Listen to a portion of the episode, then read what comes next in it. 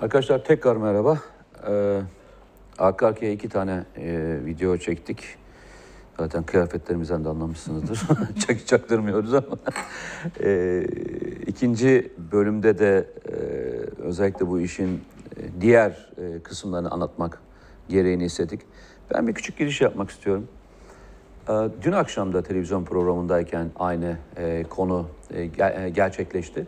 Şöyle bir tabir kullanılıyor çok uzun zamandan beri yani e, AK Parti iktidara geldiği günden beri şöyle bir şey söyleniyor. İşte Türkiye'nin e, değerli yalnızlığı diye bir tabir kullanılıyor hatırlarsan. Hani e, dış politikadaki durumu anlatmak için. Ben e, hangi dönemde e, böyle yalnız olmadığımızı bir soru sorarak başlayayım isterseniz. Hani biz eskiden çok kalabalıktık da biz mi fark etmedik? Yoksa hani diğer dönemlerde başka bir şey mi oldu? 1974'te Kıbrıs Harekatı'nı gerçekleştiren ve çok da haklı bir sebeple gerçekleştiren ve uluslararası hukuk anlamında da altyapısı dolu bir harekatla ilgili dönemden sonra ben size soru sorayım. İsterseniz e, 80'li yıllar deyin, ister 90'lı yıllar deyin. Kıbrıs e, Türk Cumhuriyeti'ni kaç devlet tanıdı? Değerli çokluk ya, çokluk da hani kaç kişi tanıdı? Hani kurulduğu tarihe bakın e, Kıbrıs e, Türk Cumhuriyeti'nin o günden beri kaç kişi tanıdı? 1990'lı yıllarda Türkiye sınır ötesi operasyonlar yaptığında bu kadronun şey e, kadronun farklı bir söylemi mi vardı? Yani mesela bize e, Almanya şöyle mi söylüyordu? Arkadaşlar biz terörle mücadelede sizin yanınızdayız. Silah mı? Ya ekstrasını gönderelim. Mal mı? Ekstrasını para ne demek? Siz NATO ülkesisiniz. Sizinle beraber her an e, gitmeye hazırız. Sizin güvenliğiniz bizim, Bizim güvenliğimizdir. Dediler de biz mi yemedik? Duymadık. Yani biz mi yemedik? Yani verdiler de biz mi yemedik? Yani o dönemde Türkiye Cumhuriyetler muazzam bir şekilde e, Türkiye'nin arkasında oldular da biz mi görmedik? O dönemde Arap Birliği her Irak operasyon sırasında Türkiye'yi protesto eden yayınlar yaptılar da yani destekleyen yayınlar yaptılar da biz mi görmedik? Sen gördün mü? Hani o dönemde biz e, bu tür haklılıklarımızda e, yalnız değildik de biz mi okuyamıyorduk? Biz yalnız mıydık? Yoksa e, biz mi anlamamışız? Çünkü dünden beri tartışılıyor, konuşuluyor. İşte e, biz bu olayda e, çok yalnız kaldık. Ya, Hani Kıbrıs Harekatı'nda arkamızdan gelen 82 tane ülke vardı. Ben sana sayayım hangi ülkelerin olduğunu o dönemde. Allah'a şükür Pakistan diye bir ülke vardı. Allah'a şükür Pakistan. Şimdi de aslan gibi arkamızda. Bak. Libya yine arkamıza destek mesajını verdi. Libya'nın iki tane bölümü var ya. Bize yakın olan bölümü direkt desteğini verdi. E yine ne değişen? Azerbaycan kardeşimiz zaten aynısını verdi. E, Azerbaycan yine Kıbrıs'ta aynı mevzuya destek veren. Bana söylesene kadroda kim eksik ya? Yani kim kadrodan çıkmış? Var mı bildiğin kadrodan çıkan birisi? Şimdi, e, Mete bu konularda e, insanları aslında ne söylendiği ama ne anlatılmak istendiği gibi iki tane durumla karşı karşıyayız. Ne söylendiğini duyuyoruz. Sen de tekrar ettin. İşte Türkiye yalnız kaldı bu şeyde. İşte Değerli yalnızlık. Değer, değerli yalnızlık kavramı bir, bir noktada bir yere atıf yapılıyor. Ama Türkiye işte bu operasyonları yaparak yalnız kaldığı bölgesinde işte falan Avrupa yok, yanında Amerika yok. Yani zaten bunu söyleyenler aslında şunu söylüyor. Ya bu operasyonu niye yapıyorsunuz? Bak bizim de çok ilişkili olduğumuz müttefik ülkelerimiz rahatsız oluyorlar falan. Aslında daha fazla şeyler söyleyecekler de şu andaki e, Türk Silahlı Kuvvetleri'nin başarısı terörle mücadelede iç kamuoyunda yüzde 80-85 destek onları bundan e, uzak tutuyor şimdilik. Ama ilk fırsatta biz demedik mi? Biz içimiz yanıyordu zaten e, demedik mi? Biz zaten şöyleydik, böyleydik diye mutlaka bir şeyler duyacağız eğer öyle olursa. Dolayısıyla burada söylem mesela bazı insanların üzerine gidilmesi mesela e, terörle mücadele konusunda e, öne çıkan isimlerin işte siyasetçi olur, başkası olur. Onların hedef alınması aslında mesele şu. Ya niye or- on- oradasın ki sen? Sen bu tarafta hainlerin tarafında ol ki biz de seni demokrat diye yüceltelim. Seni e, kahramanlaştıralım. Aslında rahatsız oldukları şey senin ülkeni seven insanların, yurtseverlerin yanında olman. O yüzden hedefe konu, konuluyor. O yüzden aslında operasyona söz edemeyenler hani dart oyunu vardır ya ana hedefe değil etrafındaki halkalara ateş ederek yani dartı atarak tutturmaya çalışıyorlar. Dolayısıyla yurttaşların bunu bilmesi lazım. Yani biz burada hani memleket aşkına derken bütün benim her zaman yapmaya çalıştığım gazetecilik bu. Dekoder gibi şifreleri çözeceğiz, insanlara anlatacağız. Bir de geçmişten örnekler vererek Tabii. vereceğiz. Yani Tabii. aradaki bir tek fark söyleyeyim sana ne biliyor musun? Eskiden de yalnızdık. Yalnızlığımızın içerisinde kendimizi kahrediyorduk. Şimdi fark ne biliyor musun? Kahrolmuyoruz, kahrediyoruz. Bak kahrolmuyoruz, kahrediyoruz. Hani derler ya bu iş böyle döndü. O kardeşim geçmişte de Tabii. ben 90'lı yıllarda sınır ötesi operasyon yaptığın, yapı- yapıldığında e, yine yapıldığı için e, terör örgütü belli bir noktanın altına indiriliyordu. O zamanın kısıtlı şartlarıyla. O zaman para yok, pul yok. Gerçekten söylüyorum. Çok zor zamanlardı. Ve bir Almanya silah ambargosu koyduğunda veya başka bir ülke ambargo koyduğunda bunalıyordun. Gerçekten bunalıyordun. Yani bugün koyduğunda silah ambargosu koyduğunda gülüp geçebiliyorsun. Bu harekatın gidişatını veya süresini etkileyecek hiçbir malzeme yok şu anda. Hiçbir malzeme yok. Adını şöyle koyalım mı? İkincisi de yine dünkü tartışmalardan bir tanesi sen de vardı. Türkiye tarafsız insanların içine karışmayan e, bir ülke pozisyondaydı. İki şeyi arayalım. E, Türkiye e, interaktif e, siyaset yapmaktan vazgeçmemeli çünkü vekalet savaşlarının olduğu bir yerde içine kapalı politika üretme şansın kalmadı artık. Yani 90'lı yılların iki kutuplu dünyası yok artık.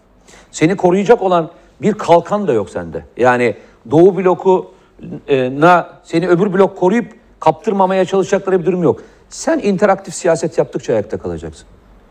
Bir yerde haklılar. Türkiye bazı konularda e, duygusal davranmaktan vazgeçmeli. Devletlerin şey olmaz derler ya. Hani duygusu olmaz, aklı olur derler ya. Bazı konularda duygusallığın ötesine geçip normal gitmek lazım. İnsan hakları konusunda tavırlarımızı gösterelim, şeyimizi gösterelim. Bazı konulardaki duygusallık konusunda benim de itirazlarım var.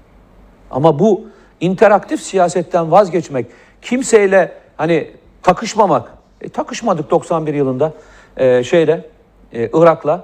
Ne oldu? O bölgedeki adamlar gittiler mi? E, Amerika ile çatışmadık. Bitti mi mevzu? İşte Av- Avrupa Birliği ile e, şey yapmadık. E, ne oldu yani? Hiç kimsenin tavuğuna kış demedik de tilkiler gelip bizim şeyden e, malzeme çalmaya devam etmediler mi? Ettiler. Ya ilk defa diyorsun kardeşim geleni e, tilkisini vururum diyorsun. Bu kadar basit. Adını ben öyle koyuyorum yani. Buna itiraz eden niye itiraz ediyor? İnteraktif siyasete niye itiraz ediyorlar? Ya şöyle temel bir eleştiri benim de her zaman önemsediğim şu. eee, yaşadığımız olayla ilgili olarak Suriye politikasındaki çok derin bir yanlışlık. Bugün yaşanan problemlerin de ana kaynaklarından birisi.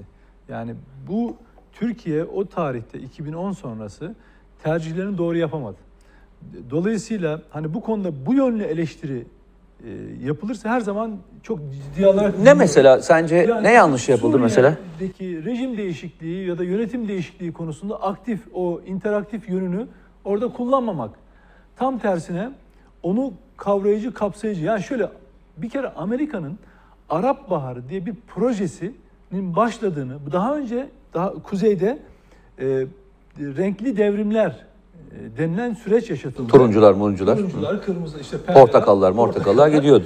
Aşağıda da Arap Baharı diye bir rüzgar estirildi. Yani bunu iyi okuyup o süreçte Amerika'nın projesine e, ciddi şey yapmak lazımdı. Durmak. Çünkü Amerika aslında niyetini gizleyen bir ülke değil. Gerek STK'larla, gerek istihbarat raporlarıyla, gerek medyasıyla ne yapacağını çok net anlatıyor. Bugün de anlatıyor. Önemli olan bizim o kanalları hep açık tutarak, algıyı açık tutarak onu okuyup ciddi olarak o günkü dışişleri, hükümet hepsi bunun Türkiye'ye ne getireceğini gör, öngörebilmesi lazımdı. Bu eleştiri yapanlar ciddi. Ama Senin söylediğin tarih hangi tarih? 2011 2011'de kim vardı bu ülkede? AKP hükümeti vardı. Yok şey anlamında söylüyorum. Hangi e, şeylerle uğraşıyorduk? Siyasetin içerisinde, dış politikanın içerisinde, dış işlerinde, Hayır. istihbaratta kim vardı?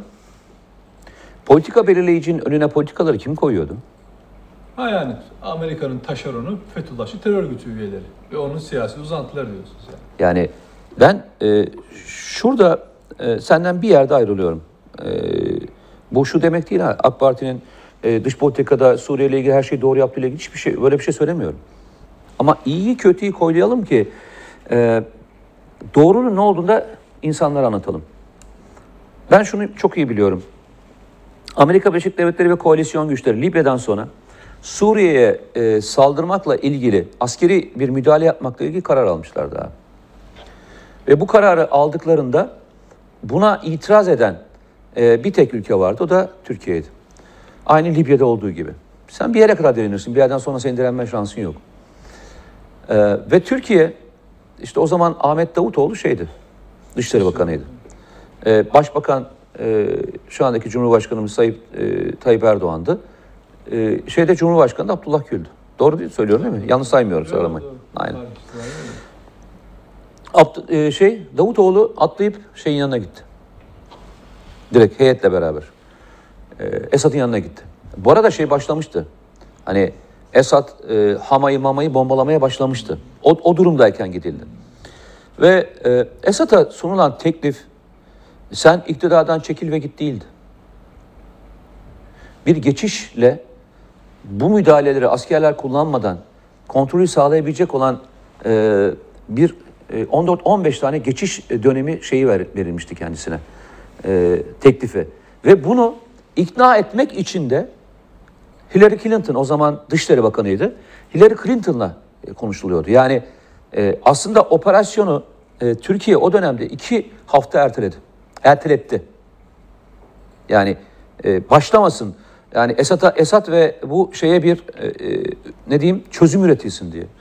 Ama Esat e, daha Türkiye'nin teklifini e, verdiğinin ertesi günü Laskiye'yi şeyle bombaladı. Gemilerle bombaladı. Laskiye'yi denizden gemilerle bombaladı. Arkasından Rakka'ya saldırdı. Arkasından birkaç büyük ile saldırdı. Tanklarla saldırdı. Ve şey koptu. İletişim koptu. Türkiye işin içine girmek istemediği dönemde Amerika Birleşik Devletleri ve onun koalisyonu. Şimdi koalisyonu sayıyorum. İyi, iyi takip et abi. Bak, hiç şey yapma.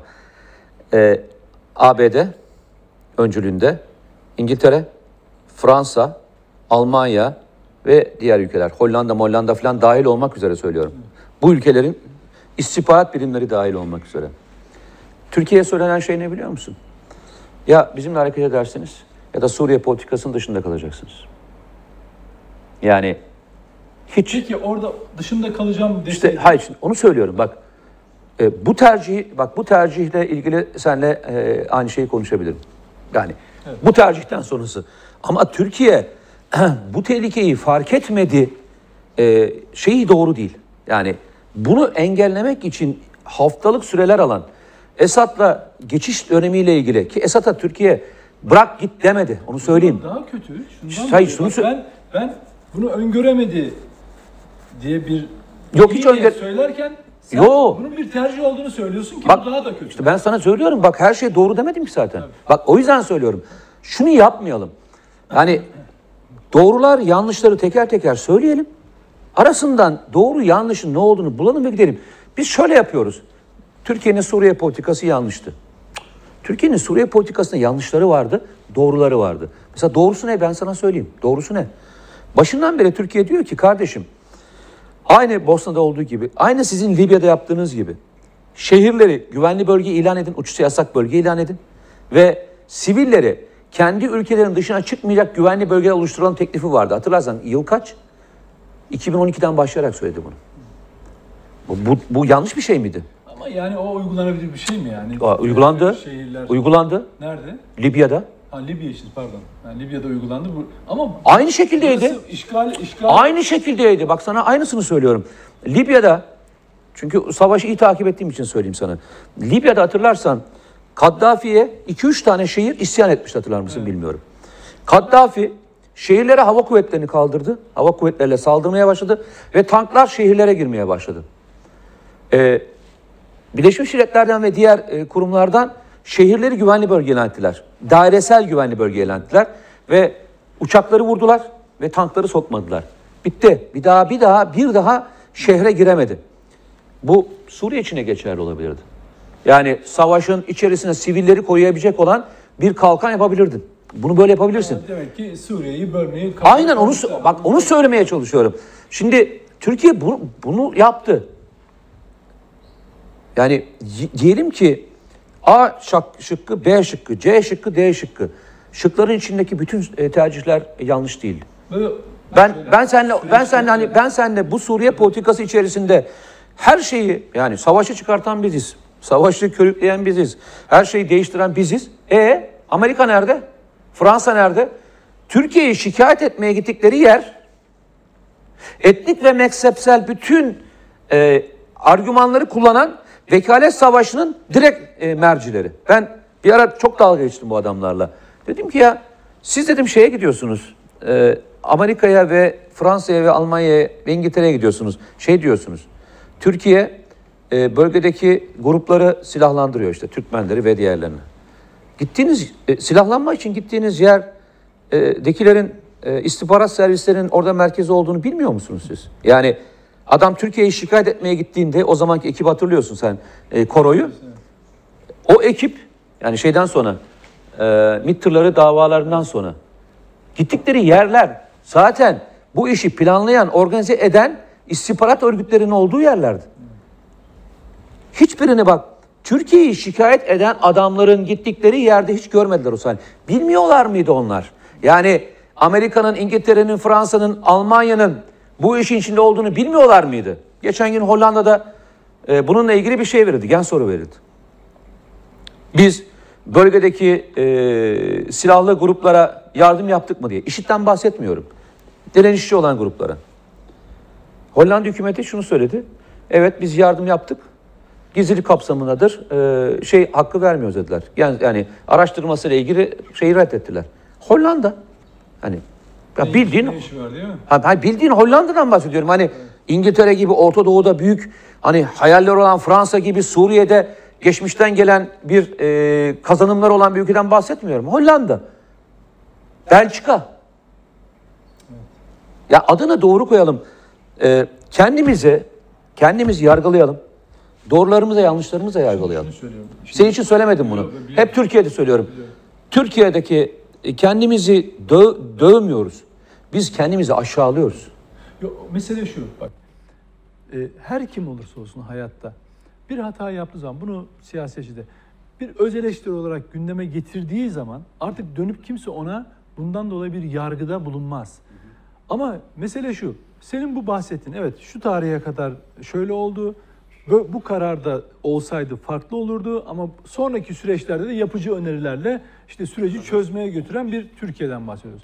Ama bütün bu süreci sen okuyorsun ve sen kritik ediyorsun. Ama bu bu konuyla ilgili kişiler hepsi yaşıyor hayatta, siyasette, Abi aktif pasif. sana şöyle söyleyeyim. Ağızlarından siz Özgür Suriye ordusunu, Özgür Suriye şöyle- ordusunu ve şöyle- milli orduyu tanıyan ülke sayısını söyleyeyim mi sana? Bir tahmin et. Şu anda aslında iki tane hükümet var şeyde biliyorsun. Ülkede. Bir tanesi işte Esad yönetimi, ikincisi de e, geçici e, yönetim dediğimiz, geçici hükümet dediğimiz bir hükümet var. O geçici hükümeti kaç ülke tanıyor biliyor musun dünyada? 112 ülke tanıyor. 112 ülke tanıyor. Sen hiç 112 ülkenin ismini e, zikredildiğini gördün mü Türkiye'de? Konuşulduğunu gördün mü? Şimdi bak mesela Irak'la ilgili bir örnek. Ee, Irak'a sahte gerekçelerle girdi ya e, Amerika işte onunla beraber İngiltere. İngiltere Başbakanı 5 yıl sonra ya buradaki gerekçeler gerçek değildi dedi. Tamam. Dünya bir şöyle oturdu bir kalktı falan. Şimdi mesela bu, bu dönemle ilgili bu dönemle ilgili bir fiil içinde bulunmuş kişiler hala siyasette ikbal peşinde koşarken hiç bu konuda bir öz eleştiri yaptığını hiç duyduk mu mesela? Ya o karar yanlıştı. Benim bilgilendirmem veya hatta ben de yukarıdan veya aşağıdan şöyle bilgilendirildim veya yurt dışından böyle bilgilendirildim Demek ki o da yanlışmış dediklerini duydum. Ee, neden O yüzden neden duymadınız? Duyamayacağını söyleyeyim sana. Çünkü e, bu tartışmaların e, yani Suriye politikası ve diğer tartışma yapıldığı yer sunumların yapıldığı, kararların çıktığı asıl yer neresi? MGK. Milli Güvenlik Kurulu. tabii şöyle. Şimdi- olayın, olayın Hayır şunu söylemeye çalışıyorum. Şimdi Milli Güvenlik Kurulu'nda e, bunlar o kadar e, teferruatlı tartışılmış ki. Ben bütün muhataplarıyla e, gittim ve konuştum. E, işte o dönemdeki e, bu işin içinde yer alanlarla da e, görüştüm. Sahadaki insanlarla da görüştüm. Bu şey değil. Kendim araştırdım. Uluslararası anlamdaki yazıları ve diğer takip ettim. Bir arşiv oluşturdum. Buradaki konu şu e, üstadım. Bir dönem Türkiye'de yapılamayabilir bu. Şey anlamında. Gizlilik kapsamında. Ama şunu da yapmayalım diyorum ben sana. Ee, insanlara kendilerini savunacakları veya özür dileyecekleri fırsatı da bırakalım diyorum. o Tamam. Her şeyi açıklayamayabilir, açıklayamayabilirler. Yani biz bunu e, MGK'da Ahmet şunu dedi, Mehmet şunu dedi, ben bunu dedim deme şansına sahip değilsin. Ben itiraz etmiştim de ama aslında Ahmet e, çok desteklemişti. E, işte e, öbürü de bunu demişti deme şansına sahip değiliz. Evet o zaman Ama bunların çoğu şeyde kaldı. Bu açılacak mı? Ben sana söyleyeyim açılacak. Ne zaman açılacak biliyor musun? Suriye'de her şey normalleşmeye başladığında Türkiye arşivi açılamayacak ama hangi arşiv açılacak biliyor musun? Suriye'nin arşivi açılacak. Ve Suriye'nin arşivinde bu heyet toplantılarının ve konuşmaların hepsi orada kayıtlı. Belki Türkiye'de Türkiye'den görme şansımız olmayacak. Ama oradakilerini göreceğiz. o zaman bu umutla Yani bu umutla gidelim. İki başka bir şey daha söyleyelim. Ee, ben e, Süleyman Soylu bakanımızı tebrik ediyorum. Ee, Allah ona iki tane madalya verdi. Birinci madalyayı Rahip Brunson davası sırasında yasakla almıştı. Değil mi? Ee, o zamanki bir e, ne yaptırım kararı çıkmıştı. Ee, bugün de e, hiç alakası olmadığı e, bir sınır ötesi operasyonla ilgili ikinci madalyasını da aldı. Yine yaptırımın içerisinde yasaklı bakanlar e, durumuna düştü. E, düşün e, ne kadar Amerika'nın ayağına basıyor ki PKK terör örgütünü bitirmekle ilgili. Hiç alakası olmadığı yerlerde bile evet. Doğru mu? Ee, Yaptırımlar. yaptırımların Evet. birinci bakanı olma durumu. Vallahi Allah razı olsun senden bakanım. Yani çift madalyalı e, bir bakan olarak e, geziyorsun. E, Allah razı olsun. Bir kez daha söylüyorum yani. Geçen hafta röportaj yapmıştık e, Süleyman Soylu'yla. E, CNN televizyonunda birkaç gazeteciyle beraber. E, yine bu yaptırımlar tartışılması sırasında ben kendisine e, Rahip Brunson zamanında e, Adalet Bakanı ile beraber ona kon- yapılan ona on- onun hakkında alınan kararı hatırlattım. Ya dedim ki şimdi de isminiz geçiyor olabilir mi falan. Ya bunun bu konunun benimle ilgisi yok demişti. Ama varmış. İki, dedim ki ya o tarihte yaptırım kararı karşısında bir cevap vermiştiniz. Gerçekten çok kıskandım dedim. Yani yani şöyle e, biliyorsunuz yaptırım kararı e, mal varlıklarına el koyma, işte seyahat kısıtlaması falan filan. Süleyman Soylu da demişti ki benim Al- Amerika'da bir şey bizim Amerika'da bir tek malımız var. O da Fethullah Gülen. Ha, çok demişti o daha doğru doğru. Yani- Harika ya Ama harika. Fethullah Gülen diye tek malım var o da Fethullah Gülen. Onu da iade ede- edebilirsiniz. ha? Evet. Yani Çok iyi. Muyum? Dedim ki çok zekice bir cevap ve hakikaten hani kıskanılacak bir cevap diye Aynen. söylemiştim ona. Ee, başka bir şey daha söyleyelim. Ee, bakın e, bir operasyon yapılıyor ve yaptırım kararında üç bakan ismi geçiyor. Milli Savunma Bakanı, e, Enerji Bakanı ve İçişleri Bakanı. Düşünün bu operasyon PYD'ye yönelik yapıldı ve Fırat'ın doğusunda yapıldı. Fırat'ın doğusunda yapılan bir e, işin içine İçişleri Bakanı'nı aldılar. Ve e, Enerji Bakanı'nın burada ne işi var sorusunun cevabı da Doğu Akdeniz. Demek ki e, bizim yaptığımız operasyon yalnızca PYD'nin oyununu değil, Türkiye'yi kuşatma altına almaya çalışanların da işini deşifre etmiş oldu. Demek ki bu oyunu e, Savunma Bakanlığı'nın dış e, operasyonları bozdu ama iki grup daha bozmuş. İçişleri Bakanı ve Enerji Bakanı. O yüzden Enerji Bakanı'nı da e, tebrik ediyorum. Gerçekten şu anlamda tebrik ediyorum. E, demek ki işini çok doğru yapıyor. Amerika Yani hiç alakası olmadığı bir yerde yaptırımın içine gidebiliyorsa ve alabiliyorlarsa e, yapıyor.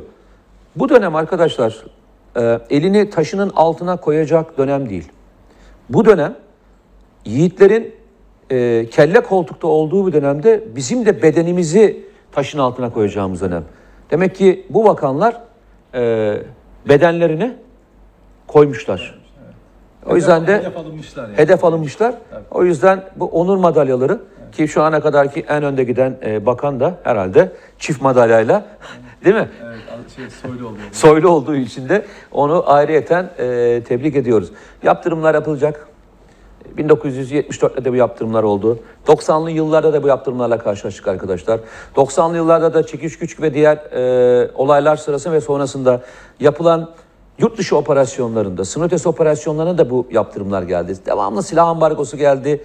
Ekonomik anlamda kısıtlamalar getirildi. E, Türkiye'nin fonları verilmedi. Avrupa Birliği'nin önü kesilmeye çalışıldı. Bu e, derin yalnızlık geçmişte de vardı. Bugün e, derin yalnızlığını yırtan, interaktif e, bir siyaset yapan bir durumdayız. Tek e, düzeltmemiz gereken birçok konu vardı ama e, yaptırımlar konusunda bizi çok rahatsız eden bir konu Türkiye'nin ekonomisi ve cari açık konusu muhakkak düzeltilmesi gereken bir konu. Maalesef buradan çok dayak yiyoruz. Bitirelim mi? Ee, sıklıkla karşınıza geleceğiz inşallah. Ee, fırsat buldukça geleceğiz çünkü ben de aşağı iniyorum. Ee, Nedim de aşağı iniyor. Birçok şeyi biliyoruz ama e, deşifre et- etmemek adına e, konuşmayı çok fazlası yapmak istemedik. E, bizim huyumuzu suyumuzu biliyorsunuz Nedim'le. Bazı şeyleri bilsek de anlatmıyoruz. E, bu oradaki askerlerimizin bir tanesinin ve burnunun kanamaması için yaptığımız bir tercih. Sizlerin de anlayış göstereceğinizi e, biliyoruz. E, Minbiş konusu tartışmaya açık bir konu. Ama şu anda Türkiye'nin konsantre olduğu konu operasyonu başlatmış olduğu Rasul ile Tel Abyad arasındaki 120 kilometrelik alan e, buradaki operasyona daha fazla angaja olmuş durumda ve bunu çözmeye çalışıyor. Evet, teşekkür ediyorum. Allah yar ve yardımcımız olsun arkadaşlar.